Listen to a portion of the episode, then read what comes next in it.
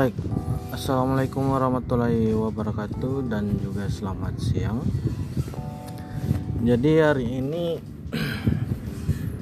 uh, kita akan melanjutkan materi kita ya, yang kemarin kita membahas tentang games, yaitu games yang digunakan untuk mengajarkan bahasa Inggris dan beberapa dan beberapa skill ya untuk dilatih skill yang dilatih dalam uh, proses belajar mengajar.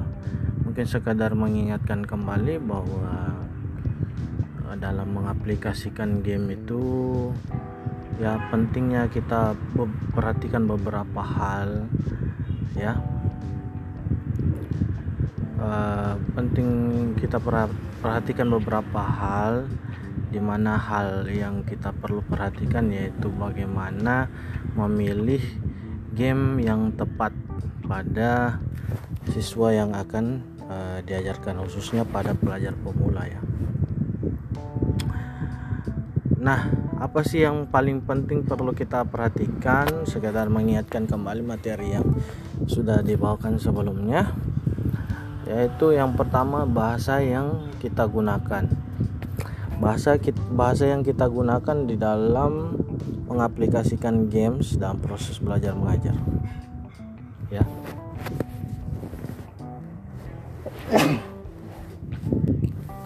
Nah bahasa apa sih yang bisa kita gunakan? Ya kita bisa kondisikan. Kalau kita berada di wilayah Tenggara ya biasanya yang paling mudah digunakan atau diterima yaitu Eh, bahasa yang berlaku di lokal walaupun tidak terlalu resmi tetapi uh, tetap mengingat kaidah-kaidah bahasa ya.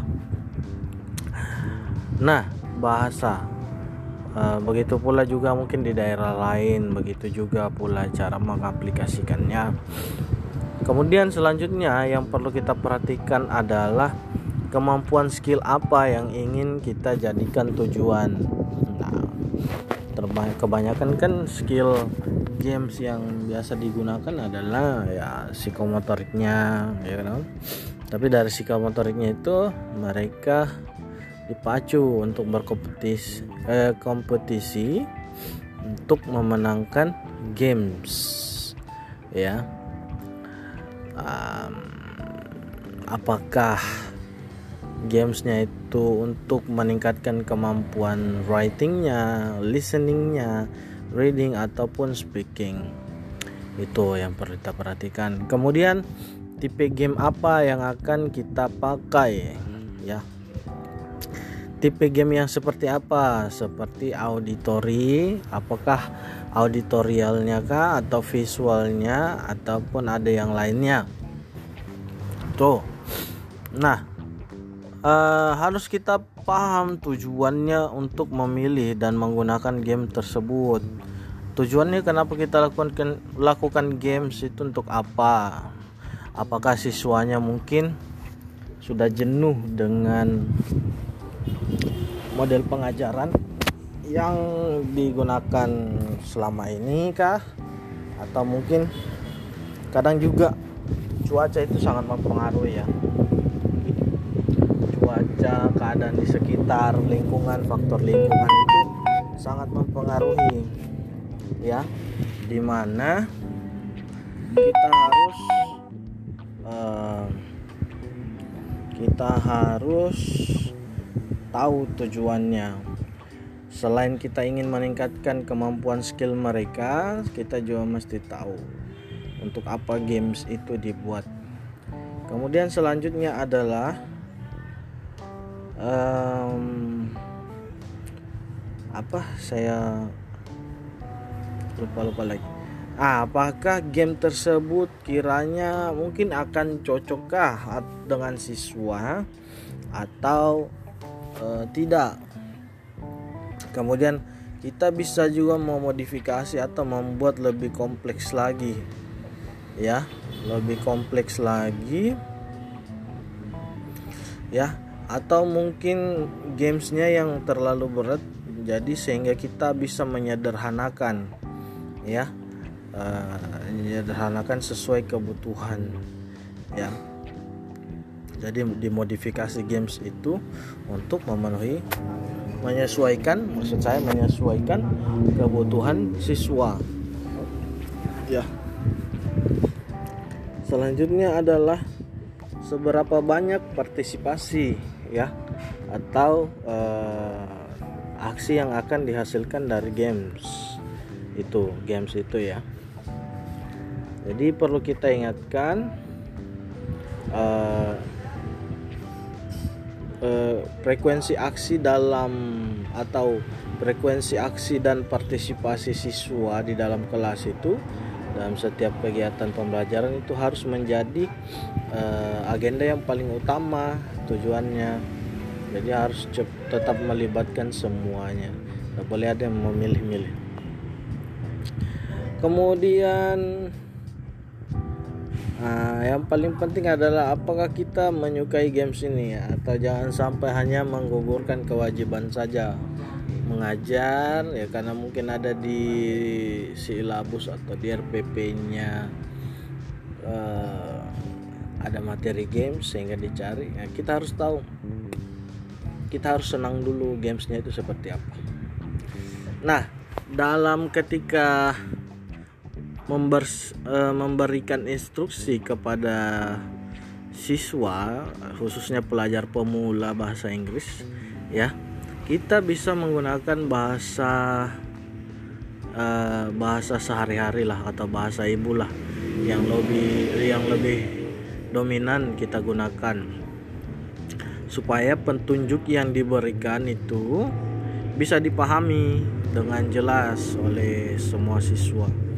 Nah, eh, praktek berbahasa Inggris itu eh, praktek berbahasa Inggris itu eh, bisa kita le, bisa kita lebih gali ya, lebih gali atau lebih dalam lagi ke tahapan selanjutnya. Itu salah satu kuncinya.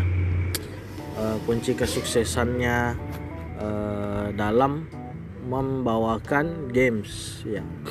Selanjutnya adalah uh, cara terbaik ketika kalian menjelaskan games itu yaitu adalah dengan cara mempraktekannya ya. Dengan cara mempraktekannya dibanding dengan uh, cara menjelaskannya dengan panjang lebar.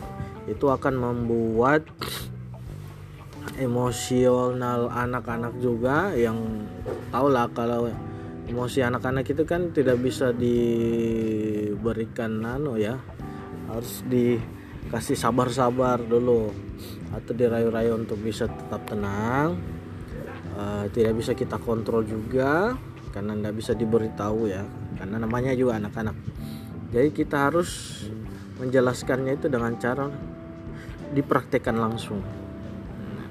Contohnya umpamanya kayak games apa ya namanya itu yang listening.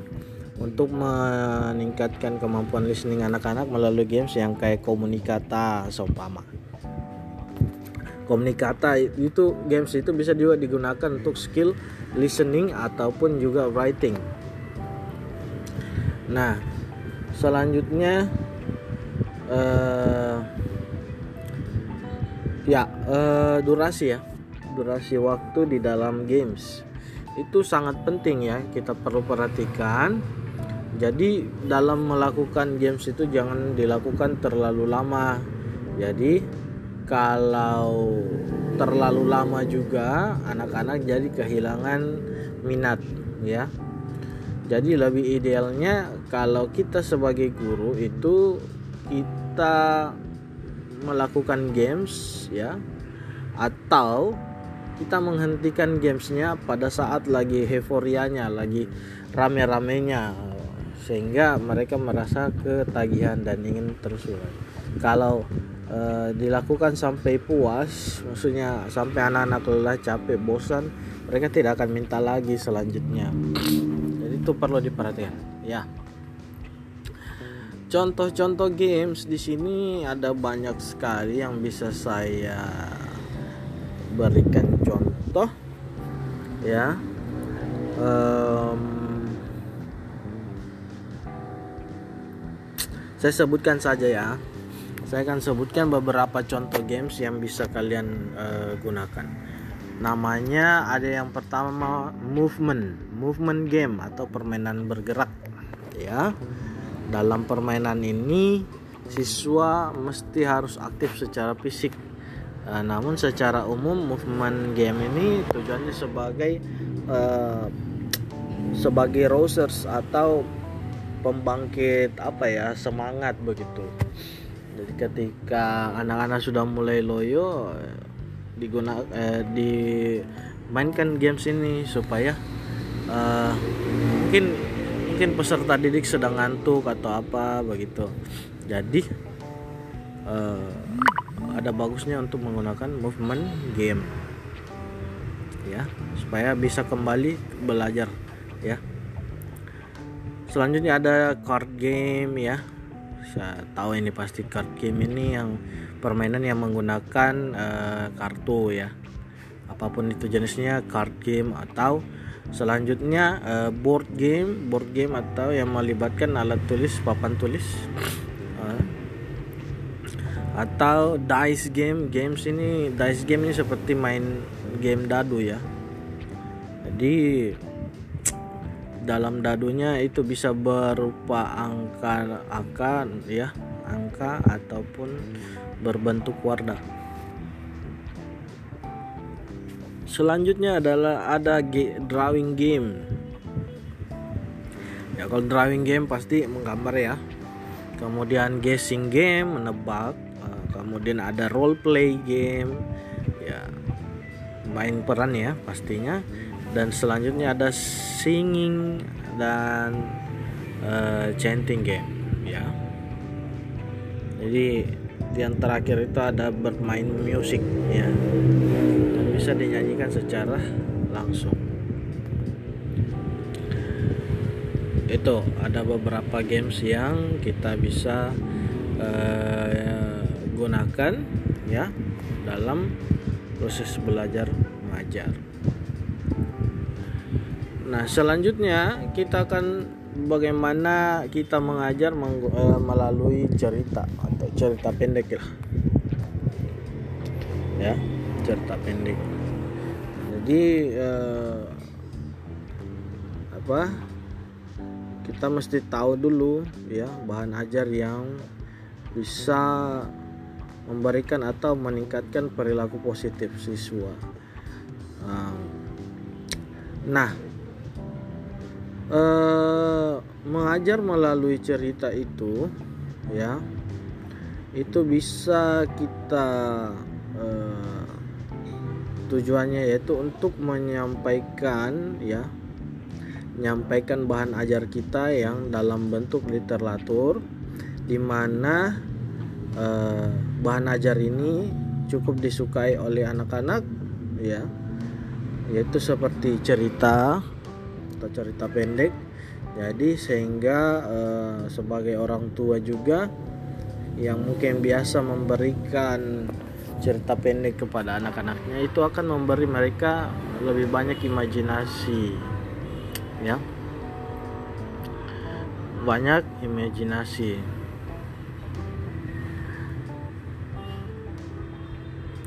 Nah mengajar melalui cerita ini sangat e, besar efeknya kepada anak-anak.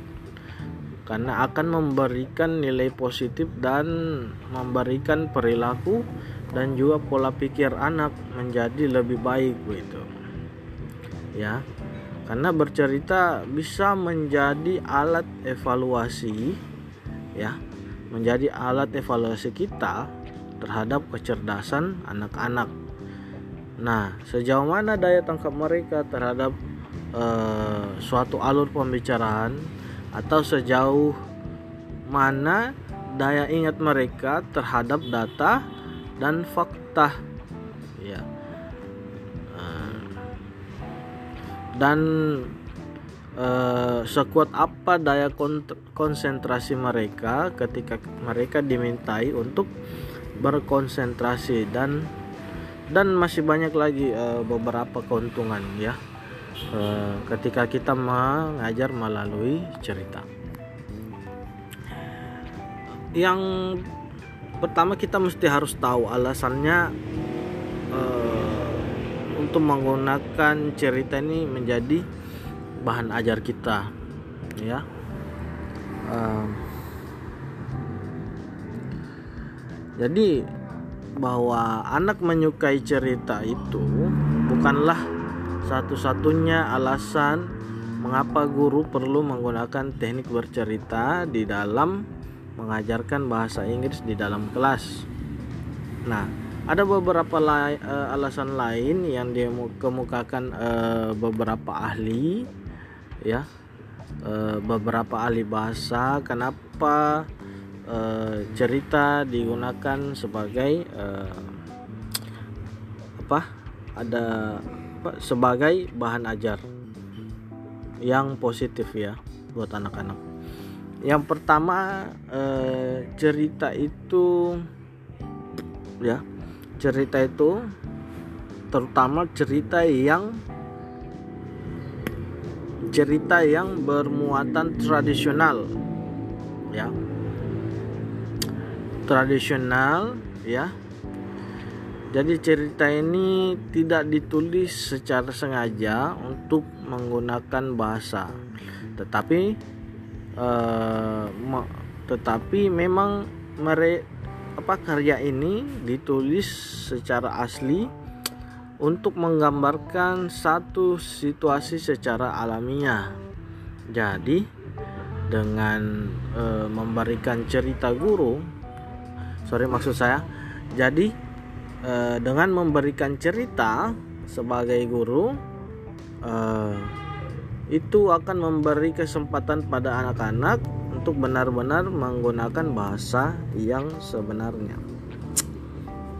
Alasan kedua adalah ketika cerita dibacakan atau diperdengarkan uh, pada anak-anak ya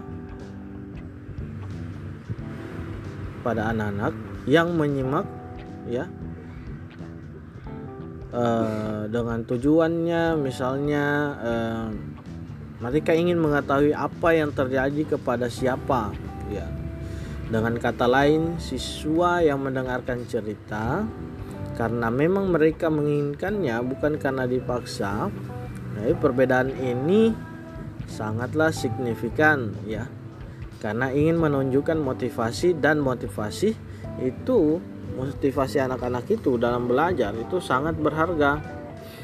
Ya karena penting ketika mereka merasa excited sekali motivasinya tinggi untuk belajar. Nah alasan lainnya adalah cerita menjadi satu wadah yang baik ya untuk memfasilitasi empat kemampuan bahasa. Yang pertama menyimak pastinya.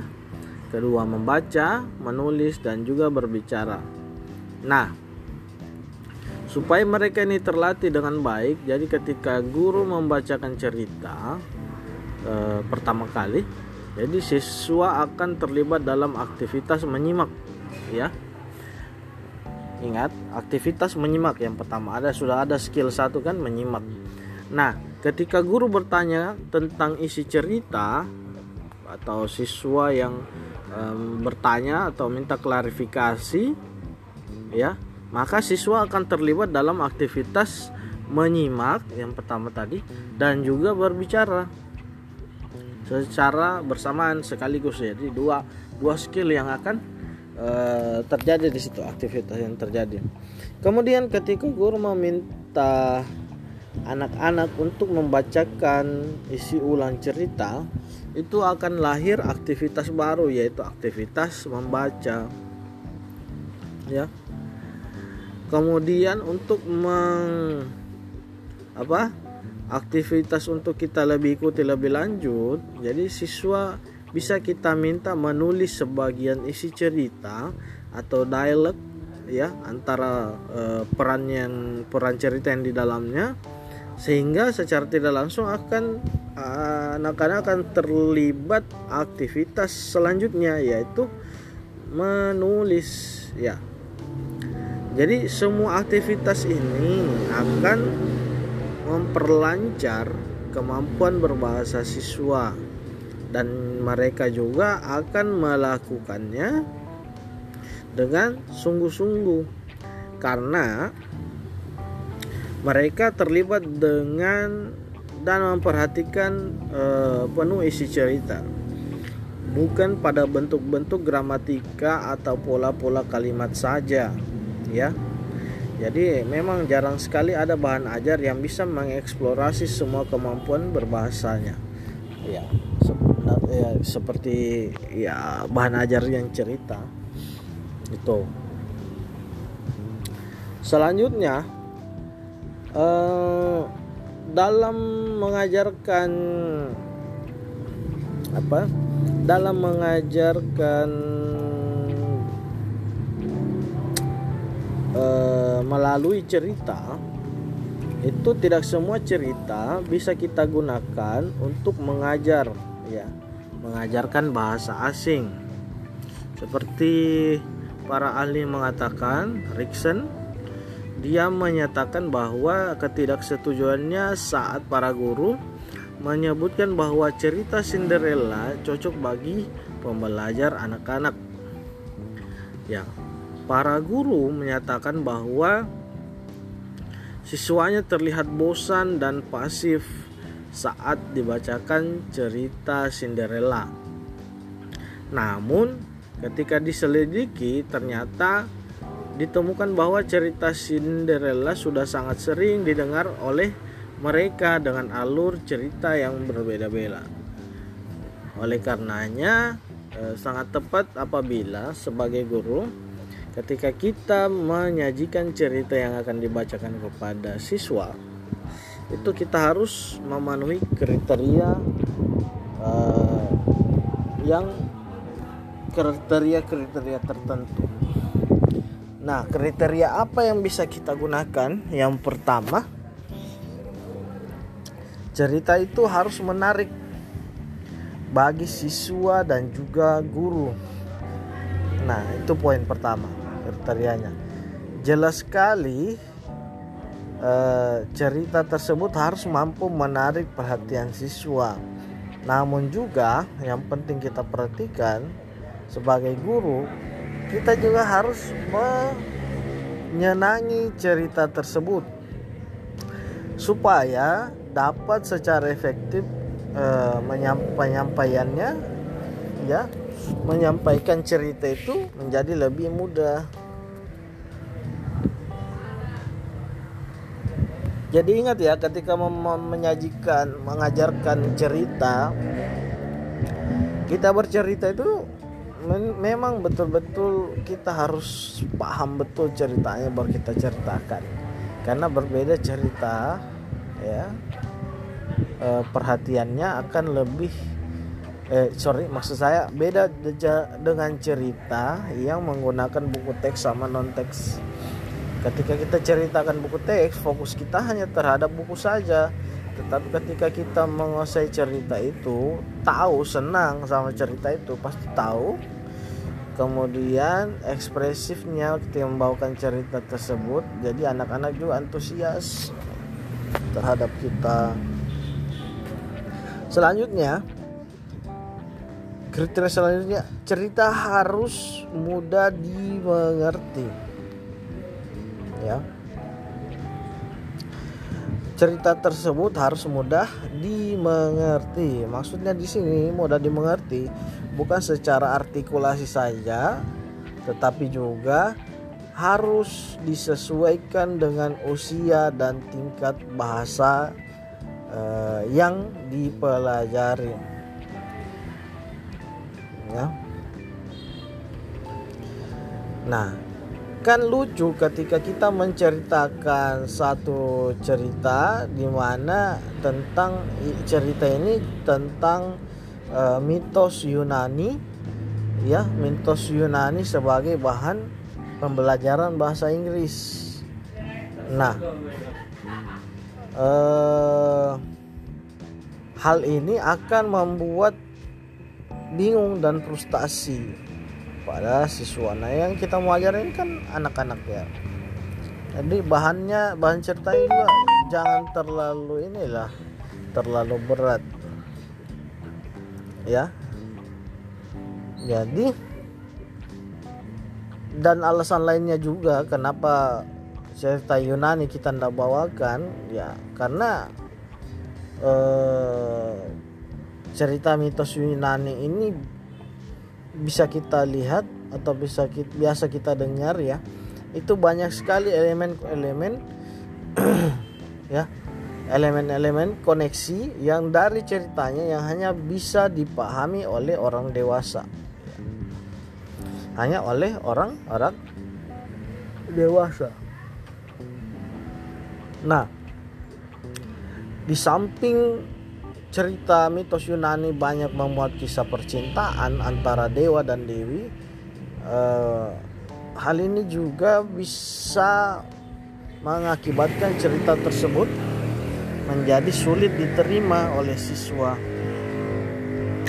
Nah, kriteria selanjutnya adalah cerita yang dapat diaplikasikan di dalam berbagai aktivitas yang berguna, seperti game, drama, surat, dan lain-lain.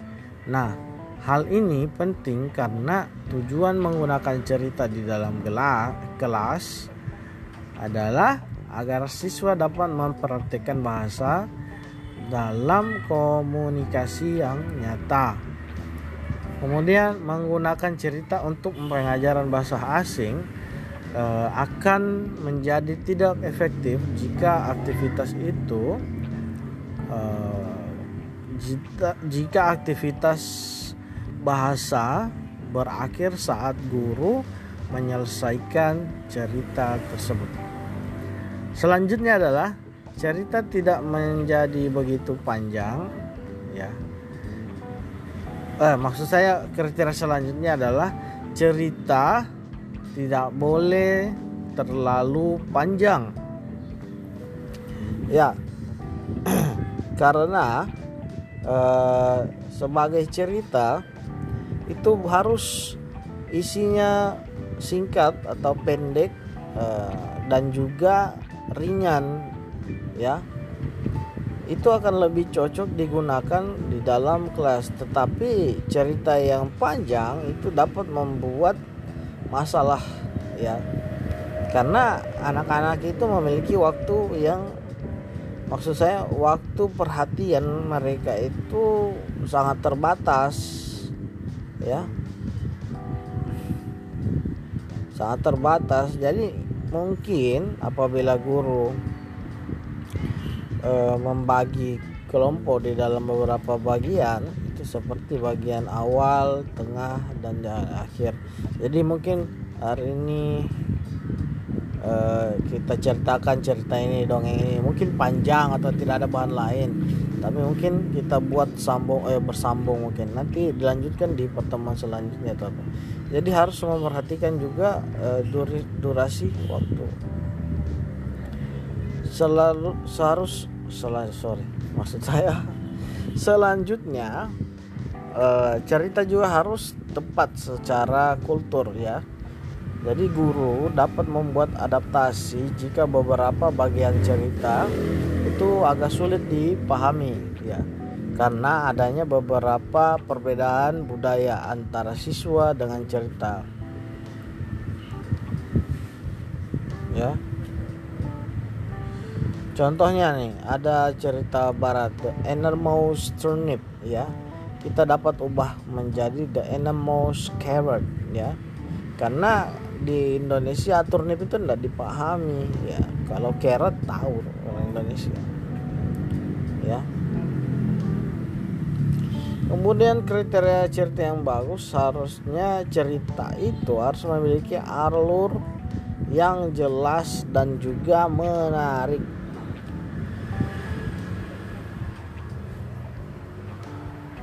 Harus jelas dan juga menarik.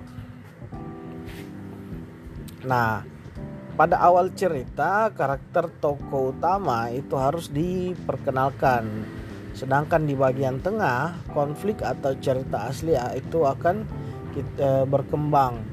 Dan yang paling terakhir adalah bagian terakhir karakter yang baik biasanya mendapat kemenangan. Sedangkan karakter yang jahat itu biasanya mendapatkan hukuman atau punishment. ya jadi alur cerita ini sangat menolong siswa untuk menebak alur cerita selanjutnya dan juga menjadi pendorong siswa untuk memahami cerita tersebut ya. Kriteria selanjutnya yaitu cerita ya yang memiliki pengulangan alamiah untuk mendorong siswa berpartisipasi. Ya. Jadi penting untuk diingat bahwa bagi banyak siswa ungkapan yang hanya satu kali disampaikan itu akan mudah di, dilupakan ya. Jadi segala sesuatu harus jelas dan juga diulang-ulang agar siswa ingat. Contohnya di dalam uh, cerita ya itu diulang beberapa kali ketika saat uh, karakter yang baru muncul. Ya jadi pengulangan ini itu sangat berarti karena tokoh utama utama dalam cerita seumpamanya tokoh utamanya adalah petani seorang petani tua itu membutuhkan banyak orang yang untuk mencabut lobaknya. Nah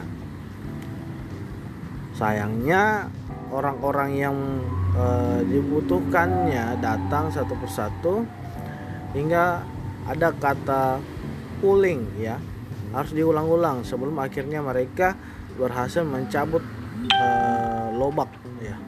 Jadi akan kurang lebih seperti itu. Jadi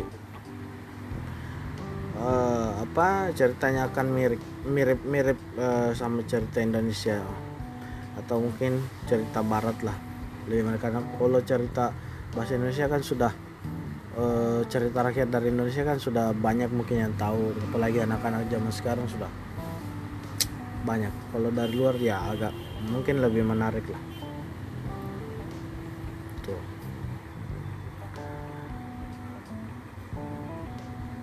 Itu ya. Oke uh, jadi selanjutnya adalah uh, di pertemuan selanjutnya kita akan membahas materi masih tentang uh, bahan ajar untuk cerita.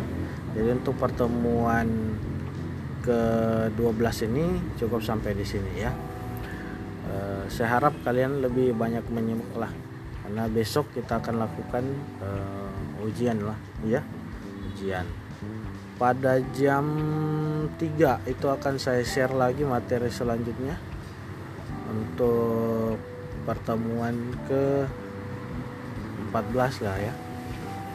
Ya hal ini saya lakukan karena uh, besok itu tanggal 24 kalau nggak salah itu akan terakhir menjadi uh, input nilai penginputan nilai untuk final. Ya karena saya mohon maaf karena beberapa pertemuan yang sebelum-sebelumnya itu memang saya terkendala di eh, beberapa pertemuan ya kurang lebih empat lah ya. Saya tidak masuk. Itu memang saya disibukkan ada beberapa hal sehingga tidak sempat. Uh, mungkin banyak yang bertanya kenapa lewat Spotify gitu? Jadi saya sampaikan Spotify karena ketika kita juga online saya melihat banyak mahasiswa yang lebih banyak mengoffkan kameranya dan ketika pas live kita selesai ternyata banyak yang uh, ternyata cuma mengaktifkan uh, aktif aktif secara online di kelasnya tetapi ternyata dia tidak memperhatikan mungkin dia tinggalkan laptopnya atau handphonenya kah baru dia pergi jadi saya pikir lebih baik sebegini ya. Jadi kalian bisa mendengar materi saya baik di mana pun ataupun uh, kalian se ngapain aja lakukan apa saja sambil melakukan sambil mendengar mata kuliah ini. Oke saya harap di, bisa dimaklumi. Kalian juga ya jaga kesehatan di rumah masing-masing. Sekian dan terima kasih. Lanjut di pertemuan selanjutnya. Assalamualaikum warahmatullahi wabarakatuh Thank you.